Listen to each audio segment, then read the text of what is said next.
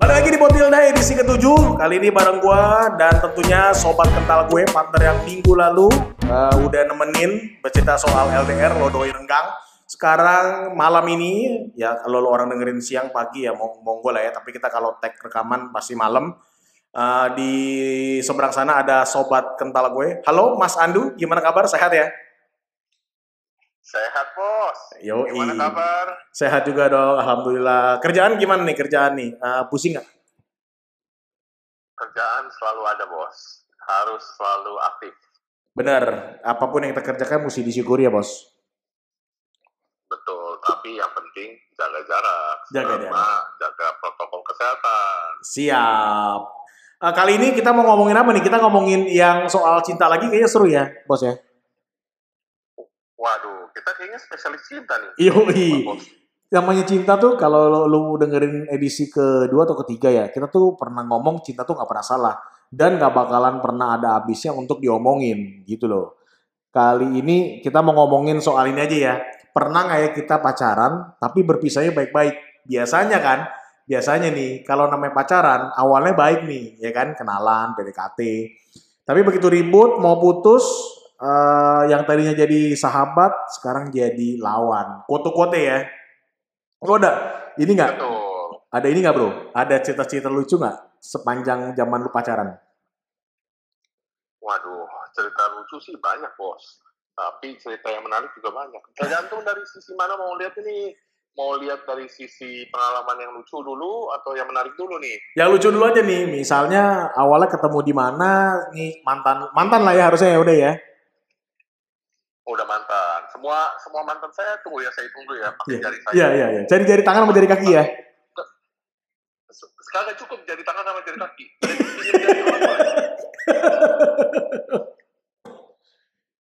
Udah berapa pak? Duh, sedikit sih saya. Ya Saya paling empat lah ya. Saya, boleh. eh, se- sepanjang gua tahu sih paling paling banyak enam ya. Resmi atau nggak resmi nih? Yang resmi aja dong, yang resmi. Kalau nggak resmi mah itu kan countless ya, countless. Kalau kalau yang resmi mungkin boleh dibilang ada empat yang saya anggap serius lah ya. Empat ya, yang serius ya. Iya iya iya. Ya, betul. Yoi, para suka-suka hotel ini perlu tahu ya, eh, bos Andu ini eh, sangat-sangat tipe-tipe orang setia ya. Di setiap tikungan selalu ada gebetan. Bukan begitu, Mas Bro. satu. Cuma satu ya, kita tuh Cuma pilihan satu, cuma satu, selalu satu. Kalau Selalu udah satu. jalan sama satu, selalu sama satu. Tidak Iya. pernah yang kiri yang kanan. bener-bener. Karena satu aja kita buat jagain susah ya, bro ya. Artinya sangat-sangat butuh effort khusus ya. Apalagi kalau banyak ya. Fokus fokus satu aja susah, apalagi fokus dua. Aduh, tidak kuat saya. Bener, setuju sih. Eh, kita tuh waktu itu gue kenal Andu tuh udah lama banget. Ta- Tapi ada satu cerita lucu sih dari Pak Andu ini dulu pernah deket sama satu cewek, entah kenal di mana. Karena Pak Andu ini banyak penggemarnya, tapi pencintanya sedikit. Bener ya Mas Andu ya? Pak.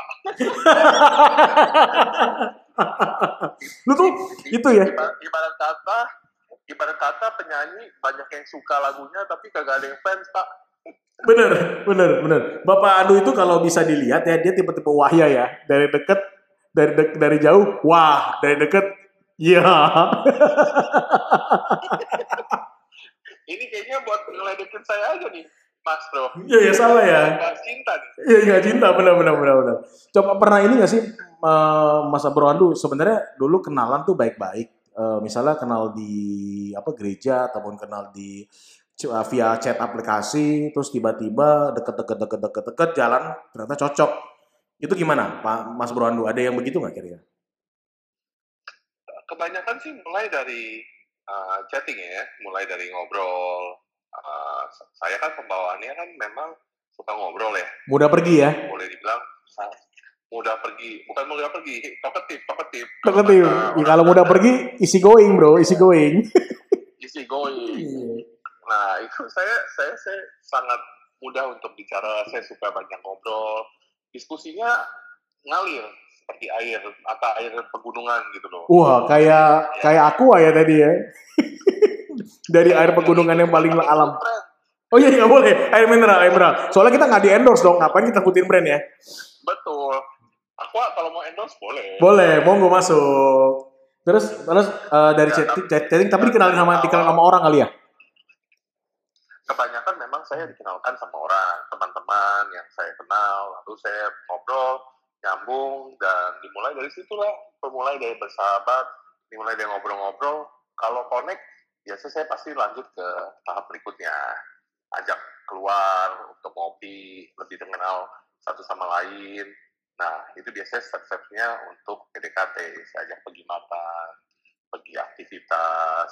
Nah, itu yang biasanya saya lakukan supaya saya tahu persis nih, uh, kira-kira orangnya fun nggak, asik nggak, dan apakah nyambung nggak pembicaraannya ke depannya, gitu.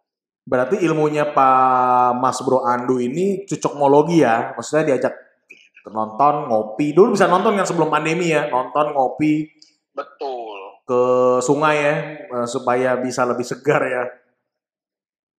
Betul, itu biasa saya lakukan supaya tahu nih enak nggak, ngeklok nggak, ngekliknya nih pembicaraannya. Nah itu biasa saya lakukan untuk eh, PDKT awal. Awal-awal PDKT ya. Betul. Kemudian kalau kalau kalau sekarang kalau gue boleh tanya kita tuh kalau kalau gue sendiri pribadi sebenarnya kalau pacaran dulu sebelum merit sama yang terakhir sebenarnya pacaran gue lebih relatif lebih cepet sih, misalnya tiga bulan terus putus sebulan terus ke, ke PDKT terus jadian lagi tiga bulan putus lagi. Kalau Pak Andu ini sebenarnya kalau gue lihat-lihat ya selama berteman kayaknya agak lama-lama ya Pak Andu ya, tipe-tipe orang yang benar-benar fokus ke satu orang yang tadi kayak lo bilang ya. Ya lumayan fokus ke satu orang sih, saya biasanya nggak pernah langsung kayak jalan tiga, jalan empat supaya lihat ada apa Wah, buaya darat ya. Buat saya bukan bukan buaya darat saya. Saya oh. ma males pak. Males ya? Lebih lebih mengenal seseorang lebih fokus itu lebih bagus dibandingin nggak terlalu fokus. Tapi ada negatifnya juga. Jadinya uh, dipikir kayak nafsu banget gitu. Padahal memang kita fokusnya di cuma satu satu cewek aja gitu. Iya tipe-tipe setia lah ya. Kalau udah satu sama satu cewek ini dulu yang di yang difokusin ya, yang dipelajari, yang di lebih cari tahu secara mendalam kira-kira tuh do itu seperti apa, cocok kan ya buat ke depannya. Namanya pacaran pasti kan mau serius ya, Mas Bro Andu ya? Betul, betul Mas Bro. Tapi biasanya kalau kalau kan lama-lama ya, biasanya tuh kalau tiba-tiba harus terhenti di di tengah jalan itu biasa gara-gara apa sih? Apakah gara-gara ada ada hobi yang nggak cocok, prinsip hidup nggak cocok, atau uh, ada hal-hal lain, Mas Du? Ke, kebanyakan saya ini uh, pejuang cinta yang all out ya kalau boleh dibilang ya. Wow. Saya tuh saya tuh tipenya yang apa kalau orang bahasa Jawa ngomong itu uh, go big atau go home. Oh iya iya iya. Oke. Okay. Saya tuh peribahasanya agak nyambung ya. Go big atau go home itu oh opo opo aku aku aku nggak ngerti Ki. Aku nggak ngerti. Iki orang Jawa kalau ngomong bahasa bahasa Inggris, Mas. Oh, tapi itu maksudnya bahasa Jawa tapi dalam bahasa Inggris tapi mau logatnya logat Jawa gitu ya? Uh, sampean benar. Oh iya, alhamdulillah. Oh berarti memang go big go home itu apa tuh Pak? Boleh di-sharingin nggak? Biar siapa tahu sobat-sobat kita ini bisa nerapin ilmu yang mungkin nggak bener juga, tapi mungkin nggak salah juga gitu loh kalau go big atau go home itu prinsipnya adalah yang saya suka, yang saya benar-benar uh, tertarik itu saya lakukan. Seperti contoh, saya suka aktivitas misalkan satu boleh disebutlah misalkan panahan gitu ya. Saya ya. coba panahan. Saya akan coba langsung, oke okay, kita pergi panahan, kita coba, kita all the way kita jalan ke sini. Lalu pergi ke sana, naik sepeda, all the way pergi ke kanan dan kiri. Jadi saya benar-benar fokus untuk mengerjakan sesuatu yang ke depannya ini bisa dilakukan berulang-ulang, bisa bisa senang dan saya tipenya kalau misalkan uh, suka sama orang itu saya suka memberikan perhatian kecil seperti memberikan kue, memberikan makanan, mengirim-ngirim uh, uh, kopi dan sebagainya itu supaya kita ada interaction, ada ada bonding. Nah itu yang saya dari awal sudah lakukan terapkan supaya saya memang seperti itu orangnya memang seperti gobiknya itu seperti memang pekerjaannya bukan pekerjaan sorry lebih kayak aktivitasnya seperti itu jadi membuat hidup tuh lebih hidup kalau yeah. orang bilang itu slogannya buat saya. Iya iya. Tapi kalau go home itu opo pak? Maksud go big terus go home itu abis abis mau ke sesuatu terus lu bawa dia pulang dibungkus atau gimana tuh pak? Tolong Bukan. tolong tolong dijelasin dong supaya di sobat-sobat kita nggak salah paham nih ya kan? Jadi gini artinya ada dua tipe orang. Satu yang all out yang dia akan memberikan yang terbaik untuk memberikan kepada pasangannya. Dan satu lagi yang santai aja nanti juga ke depannya bisa. Ya udah jadi tidak memberikan 100% lebih terkesan cuek lebih terkesan misterius.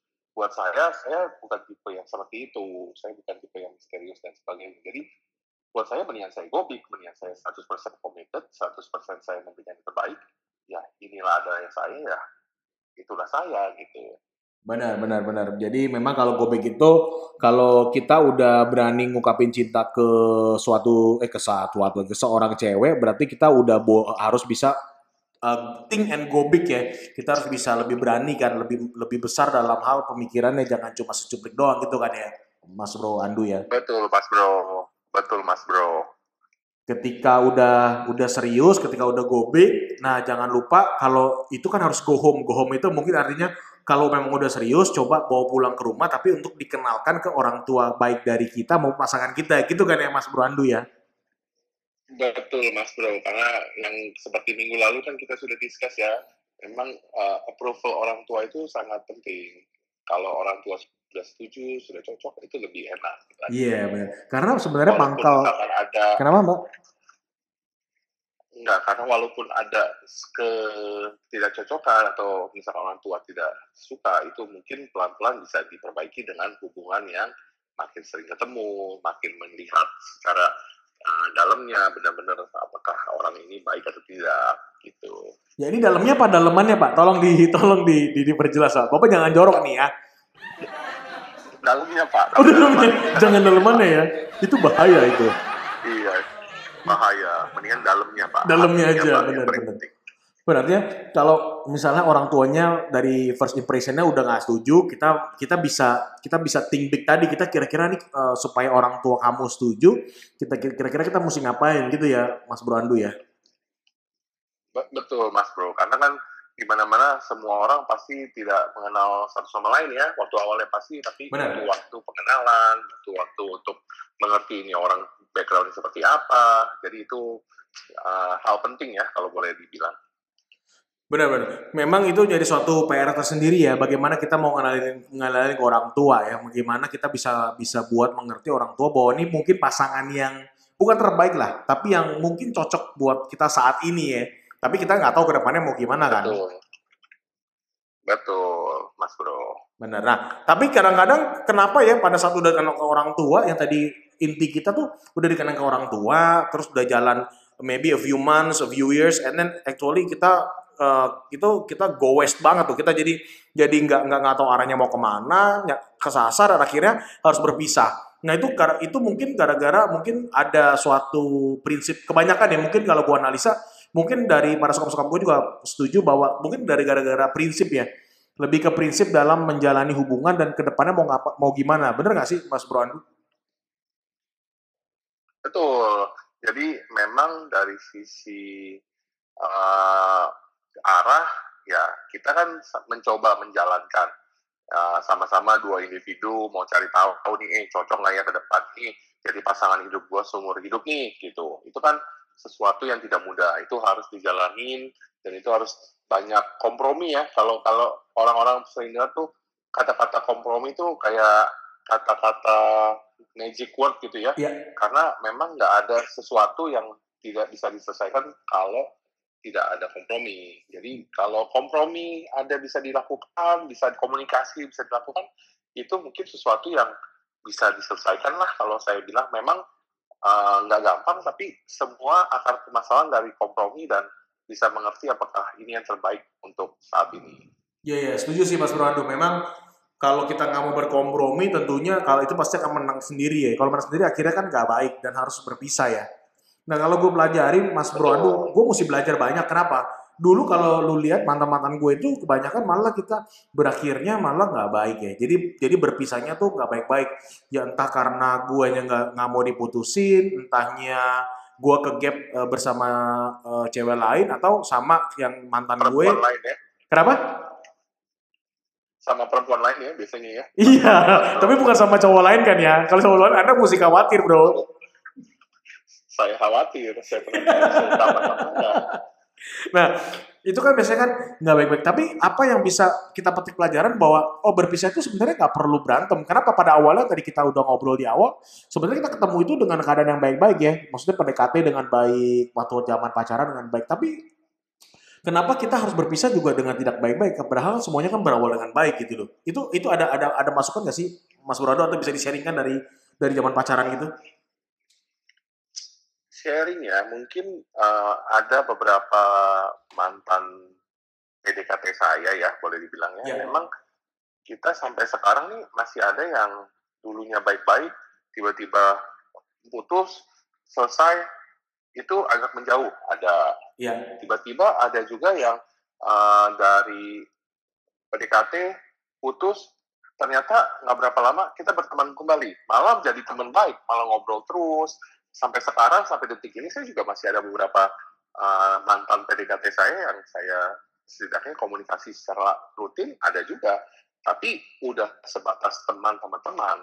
Nah untuk beberapa orang yang kelihatannya tidak bisa menjadi teman lagi atau menjauh atau tidak baik-baik itu kemungkinan besar karena sudah ada hal yang menyakiti perasaan di dalam hatinya masing-masing jadi mungkin kalau boleh dibilang dari uh, kedewasaannya juga belum belum mature dari uh, kebiasaannya untuk dengan pacar-pacar sebelumnya juga mungkin belum belum seperti seperti yang orang dewasa lakukan. Nah itu juga beberapa faktor yang mempengaruhi juga karena ini uh, dua belah pihak harus setuju dengan oke okay, kita berpisah mungkin di kemudian hari kita bisa ngobrol lagi, di kemudian hari kita bisa siapa tahu menjadi jodoh lagi, itu semua belum tahu yang bisa memberikan jawabannya cuma dua individu tersebut gitu. Bener sih Mas Brondo, setuju sih. Memang kalau gue bilang memang kalau kalau masalah yang nggak bisa dihadapi itu, misalnya dalam masalah pacaran nih, tiba-tiba harus broke up, harus harus harus, harus putus, itu memang kalau dia memang bisa dikompromikan, bisa diomongin baik-baik, memang hasilnya akan baik. Tetapi beda hal ketika putus itu ketika ada satu ganjalan, misalnya tadi ke gap sama cewek atau cowok lain, kemudian itu kuat-kuatnya adalah selingkuh, atau ada juga yang suka ngebohongin orang, gitu ngebohongin pasangannya, sehingga orang pasangannya itu nggak bisa nerimo kan, bener nggak Mas Orlando? Jadi tergantung daripada itunya sih, apa kendala-kendala atau masalah yang dihadapi pada saat pacaran ya? Betul, dan seperti beberapa case yang seperti yang ketahuan pacaran sama orang lain, tergap sama selingkuhan, itu mungkin hal-hal yang tidak bisa ditolerir. Mungkin itu akan membuat jadi putusnya tidak baik-baik. Uh, ada juga uh, tidak ada closure atau misalkan uh, alasan diputusinnya mungkin kurang jelas juga menjadi sesuatu yang akhirnya menjadi apa ya sakit hati buat orang yang diputusin. Jadi uh, itu juga bisa menjadi seperti dendam, seperti marah, itu jadi ke depannya uh, tidak baik. Nah, balik lagi yang diperlukan di saat tidak bisa dijalankan harusnya lebih ke kedewasaan dari masing-masing pribadi. Bisa aja kadang-kadang dari yang diputusin malah dia yang bisa oke okay, bisa menerima, bisa legowo, bisa bahkan bisa memaafkan orang yang memutusi Nah, itu juga bisa terjadi. Nah, itu saya juga pernah ngalamin. Wah, apa saya tuh? Ceritanya seru nih kayaknya. Memutus itu apa tuh? Maksudnya lu yang diputusin apa? Cewek lu yang diputusin apa lu yang mutus apa lu atau lu yang cut the chain gitu atau cut the relationship? Atau itu gimana tuh? Saya pernah di dua belah pihak, pernah di dua sisi itu ya. Pernah pernah dua sisi tersebut. Pernah di memutuskan orang, nah, pernah diputusin orang. Kalau Anda yang mutusin dua posisi yang ah. berbeda. Oh, oke okay, oke. Okay. Tapi kalau waktu lu yang mutus ini ya, which is rare, rare banget terjadi ya. tapi tapi uh, ada ada ada iya ada makanya gue bilang ada tapi jarang gitu loh bos. Nah tapi uh, lu akhirnya uh, yang yang yang deketin lagi untuk open communication atau malah doi yang lebih legowo untuk menerima apa yang udah lu putusin gitu loh bro? Uh, dari dari yang putusin biasanya yang lebih legowo untuk. Iya. uh, mendekat seperti hey apa kabar semoga baik-baik saja, cuma make sure apa baik-baik aja. Tapi uh, memang belum tentu itu akan menjadi sesuatu yang untuk memulai relationshipnya lagi ya, uh, karena balik lagi semua tergantung dari individu-individu tersebut apakah sudah menutup pintunya atau masih membuka pintunya pada waktu bertemu di kemudian harinya. Benar, jadi memang sikap tadi selain kompromi waktu menjalani hubungan, tapi sikap legowo tadi ya mau menerima dengan lapang dada apa aja yang yang harus diperbaiki, ya semacam introspeksi diri lah ya, Mas Bro ya. Betul, betul. Biasanya yang diputusin itu uh, mereka akan berpikir kenapa sih, apa sih yang salah, tapi yang memutusi itu kadang-kadang juga berpikir sebenarnya orang ini cocok nggak sih sebenarnya apakah saya salah melakukan pemikir apa uh, pilihan ini enggak sih nah itu sebenarnya waktu itu waktu berpisah itu memberikan kita kesempatan untuk berpikir secara jernih tanpa ada gangguan dari uh, individu yang satunya. Nah itu juga menjadi kunci sukses sih kalau boleh dibilang kalau untuk ke depannya melihat bahwa oh iya memang dia yang terbaik nih cuman mungkin kemarin belum siap waktunya. Nah itu bisa lagi terjalin komunikasi bisa lagi balik menjadi hubungan tapi itu hmm. akan dilakukan secara perlahan tapi yeah, bisa yeah. juga yang ternyata setelah menjauh iya ya saya ternyata nggak cocok nih gak cocok, ternyata ya. dia nih dia nih keras banget nih nah itu ternyata bisa lebih ngerti akhirnya memang harus legowo oh iya memang tidak bisa akhirnya ya udah ke depannya tidak berusaha untuk komunikasi ya anggapannya selesai gitu ya, tapi ya baik-baik aja sih. Baik-baik aja. Maksudnya realize lah ya. Orang itu realize, pasangan kita realize bahwa memang udah gak cocok nih ya. Mau ngapain lagi lu, lu, lu perjuangin ya. Wah ini ke mana nih Mas Bro Ando nih? Kayaknya lagi kentang dia. yes Mas Bro. Gila gue ngomong sendiri nih bro. Suaranya kedengeran cuy. Iya lanjut lanjut lagi di telepon mantannya bos sabar ya sobat-sobat ya Mas Brando ini diketahui mantannya mantannya lagi tidak tahu di mana enggak Mas Brando ini meskipun mantannya tadi yang dihitung cuma empat yang resminya tapi penggemarnya cukup banyak ya enggak lah you Kalau must be proud of it loh penggemar lagi yang baru yang ada penggemar baru boleh daftar. Boleh daftar ya supaya siapa tahu langsung dapat jodoh. Amin amin ya kan. Amin. Ya memang kalau gue bilang memang uh, agak susah ya. Kayak kayak gue gini waktu itu kalau lu juga tahu lah ya pasti uh, putusnya tuh nggak baik-baik. Entah yang gue nggak mau terima sih lebih-lebih ke situ. Mungkin ada juga yang gue udah posesif bro. Lu ingat banget dulu waktu waktu zaman kuliah ya zaman 2004 atau 2005 udah maybe 15 years ago kita uh, diputusin gue gara-gara uh, posesif katanya bos. Jadi uh, pulang kuliah gue jemput, terus kalau dia lagi apa? Lagi break gue lagi juga nggak ada kuliah mata kuliah pelajaran matkul gue nyamperin ke kampusnya. Katanya gitu. Jadi dia tuh nggak punya kebebasan mas bro. Sedih juga sih ya. Tapi ya gimana ya? Sama mas bro? I think semua pernah punya pengalaman itu ya. Semua uh, manusia pasti ada sifat posesifnya ya.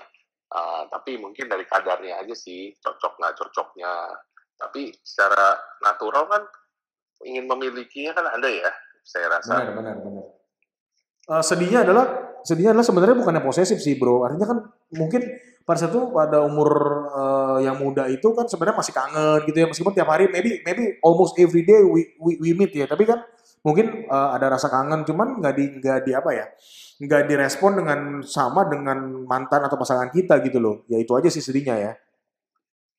Betul, itu itu yang sedihnya. Jadi memang uh, balik lagi ya, Tuhan bekerjanya di saat yang tidak tentu dan itu semua di terjadi karena uh, satu hal dan yang lainnya.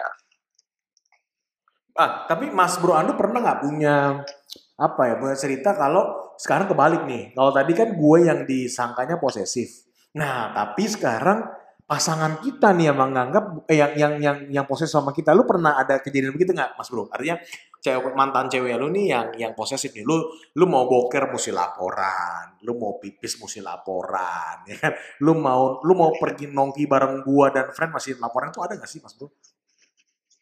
ada dong. Kalau nggak ada kurang nikmat rasanya hidup ini. Iya benar benar benar.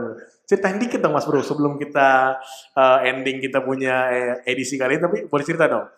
Uh, bentuk-bentuk posesifnya tuh gimana ya? Yang lucu nih pernah saya mau pergi sama teman saya cowok kebetulan ya kebetulan uh, dikit mas bro nggak kedengeran gua mas bro mas bro bisa dengar dengar dengar dong dengar dong anda ini lagi di mana sih? Di sumur apa? Di sumur apa di mana sih? Di angkot mas bro, lagi mau pulang. Oh pantas. Pulang, pulang. Ayo pak pulang. Loh, itu bapak mobil barunya ke mana pak? lagi mau dijual pak. Aduh, mau ganti yang lebih wah ya pak ya? Iya dong. Ya alhamdulillah di masa ya, pandemi tetap banyak rezeki ya bos. Amin ya Tuhan, amin. Uh, jadi waktu itu ceweknya itu suka uh, jealous dan insecure dan juga uh, posesif. Jadi pada waktu ketika saya sama teman-teman cowok-cowok saya nih pada mau pergi keluar untuk ya tahu sendiri lah minum bir satu dua botol yang santai-santai gitu aja, cuman buat ngobrol-ngobrol, tidak ada maksud apa dan yeah, lain-lainnya. Yeah, yeah. Tapi ternyata sangat posesif sampai dibilang jangan pergi lagi sama itu cowok. Sedangkan saya kan masih suka cewek ya. Iya, iya. Masih iya, aman-aman aja. Tapi itu cowok secara spesifiknya satu orang cowok atau rame-ramenya nih bos? Lu harus clearance dong. kebetulan satu satu satu spesifik cowok lagi. Uh. Dan kebetulan ini teman kita yang Mas Mas Epin yang belum pernah datang. Ya, ya jadi sokap Padilnya sobat Polida ini sebenarnya sokap-sokap ini sebenarnya kita satu orang lagi yang mau kita undang tapi Empin tapi nggak pernah hadir ya Brengkes ya itu orang ya. Iya, terlalu sibuk Mas Empin ini. Iya, Mas, Mas Empin. ini kebanyakan orang orang orang kaya aja, orang kaya. Orang orang kaya yang jauh di luar sana ya. jauh.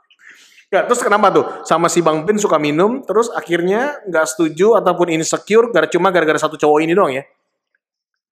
Betul, karena mungkin spend waktu lebih banyak dengan dia pada waktu malam, uh, pulang kantor, sedangkan paling seminggu juga sekali.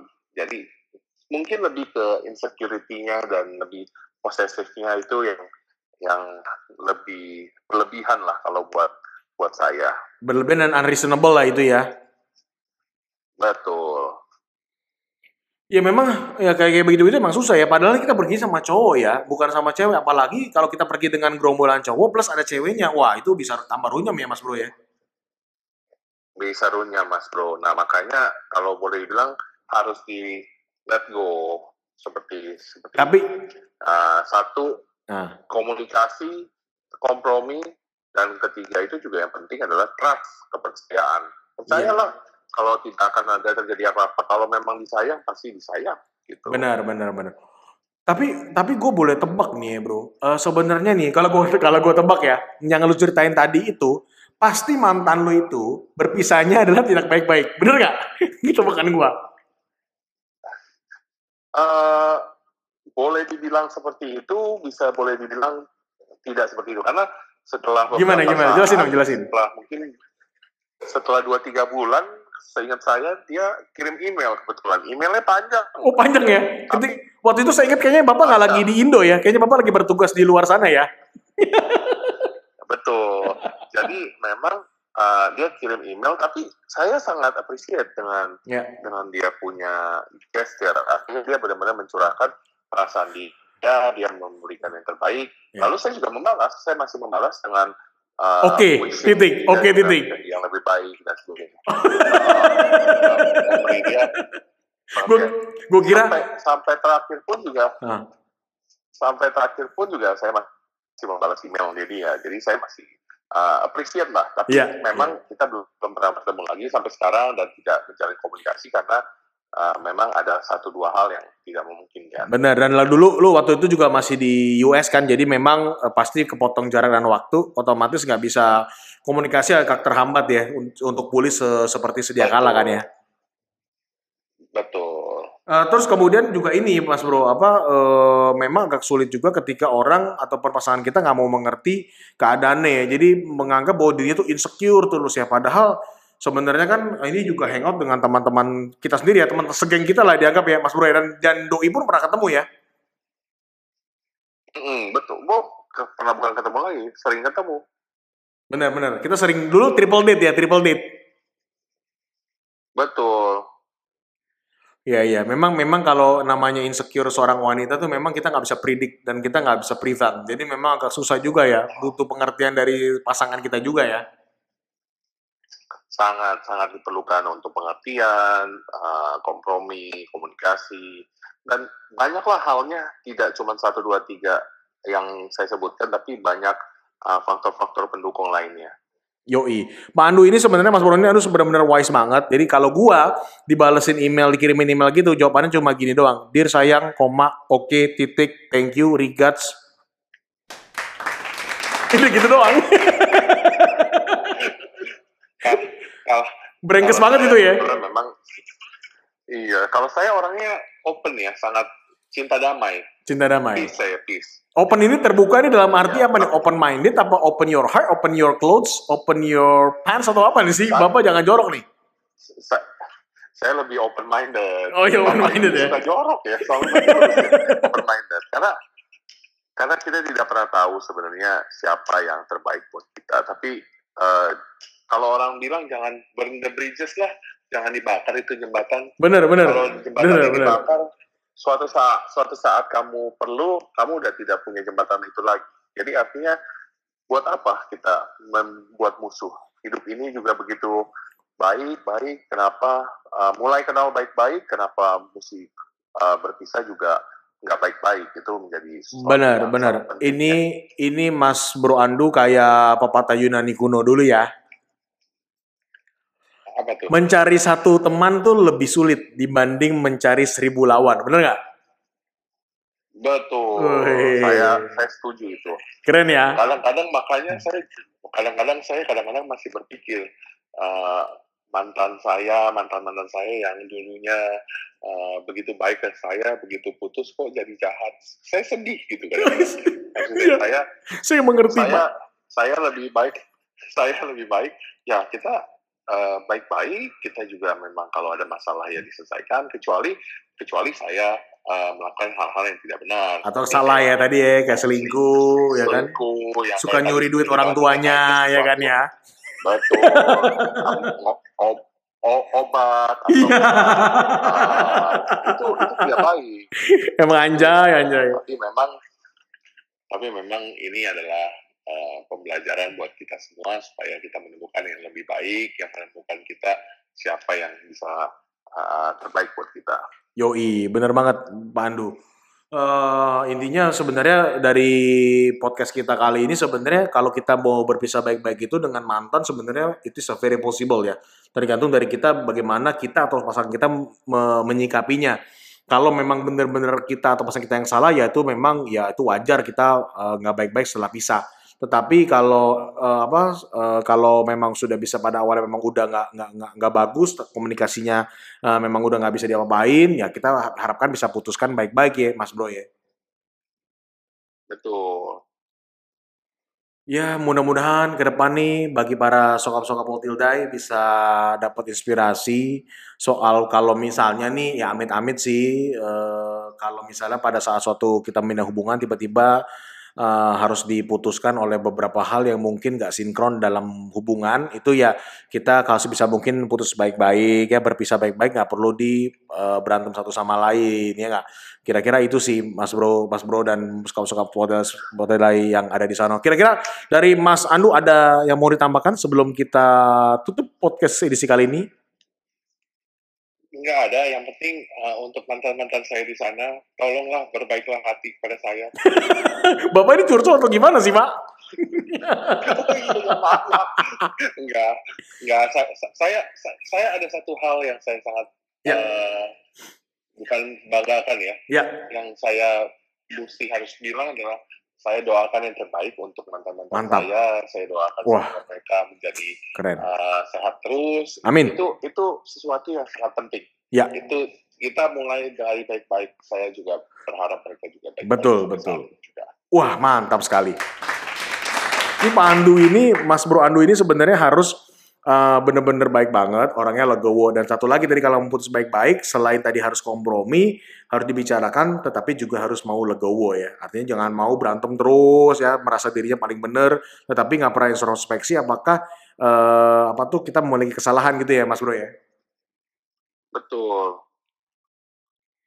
Ya, ya, ya, ya. Mudah-mudahan nih para mantan-mantan Mas Bro Ando nih di sana dan mantan-mantan uh, Bang Windo nih mudah-mudahan pada denger podcast ini ya mudah-mudahan berbalik berbalik arah ya mudah-mudahan tambah baik ya. Tapi gue cuma satu khawatirnya mas bro. Apa tuh? Takutnya pada CLBK bro. Siapa yang CLBK mantan anda. Aduh tidak ya yang saya saya doakan yang Tuhan berikan yang terbaik ya itu yang akan diberikan. Dan saya Amin. doain buat mantan yang mau, mau CLBK CLBK ya dipikirkan baik-baik menerima saya apa adanya. bukan menerima anda ada apanya ya. bukan apa adanya. Bukan Mudah-mudahan Mas Andu ini para CLBK CLBK di sana yang mau CLBK ya monggo. Mas Andu masih buka lowongan ya. Kayak pekerjaan aja ya para mantan-mantannya ini ya. Enggak lah, ya kita lihat saja. Ya mudah-mudahan yang terbaik lah, Mas Andu. Kita kan nggak bisa predik ya ke depannya mau gimana. Kalau ada kalau kenapa Amin. kenapa? Amin. Amin. Kalau ke depannya nanti ada yang terbaik datang, kenapa enggak gitu ya? Kenapa mesti ditutup ditutup dari sekarang? Gitu kan ya? Betul, betul. Wah, luar biasa sekali. Uh, malam ini kita udah bercurhat ria terkait sama pisah baik-baik, Mas Andu. Thank you banget udah nemenin lagi. Nanti kita bikin bertiga ya sama Mas Empin. Mudah-mudahan Mas Empin gak sombong lagi. Bener gak? Betul. Mas Empin tolong datang. Karena ini udah kelamaan Mas Empin saya ngomong. Dan yeah. saya dikejar terus sama Mas Bro satu ini. Yeah. Tolong dipercepat datangnya. Tolong Mas Bro, tolong ya. Kalau Anda nggak percepat, saya bunuh Anda. Oke, Sokap Sokap tidak itu aja edisi kali ini. Edisi soal berpisah itu baik-baik saja. Semoga ke depannya kita semakin dikuatkan dengan para mantan-mantan kita dan tentu yang masih berpasangan. Semoga Anda saling memberikan rasa pengertian satu sama lain. Itu aja dari gue dan sobat gue, Mas Andu. Terima kasih udah selalu dengerin Potildai, selalu tayang hari Jumat. Dan tetap aja semangat dan menjaga jarak, memakai masker dan mencuci tangan. Itu aja dari kita, sahabat Potpol Tildai. Sampai jumpa minggu depan dan tetap menggaungkan podcast-podcast Indonesia. Bye!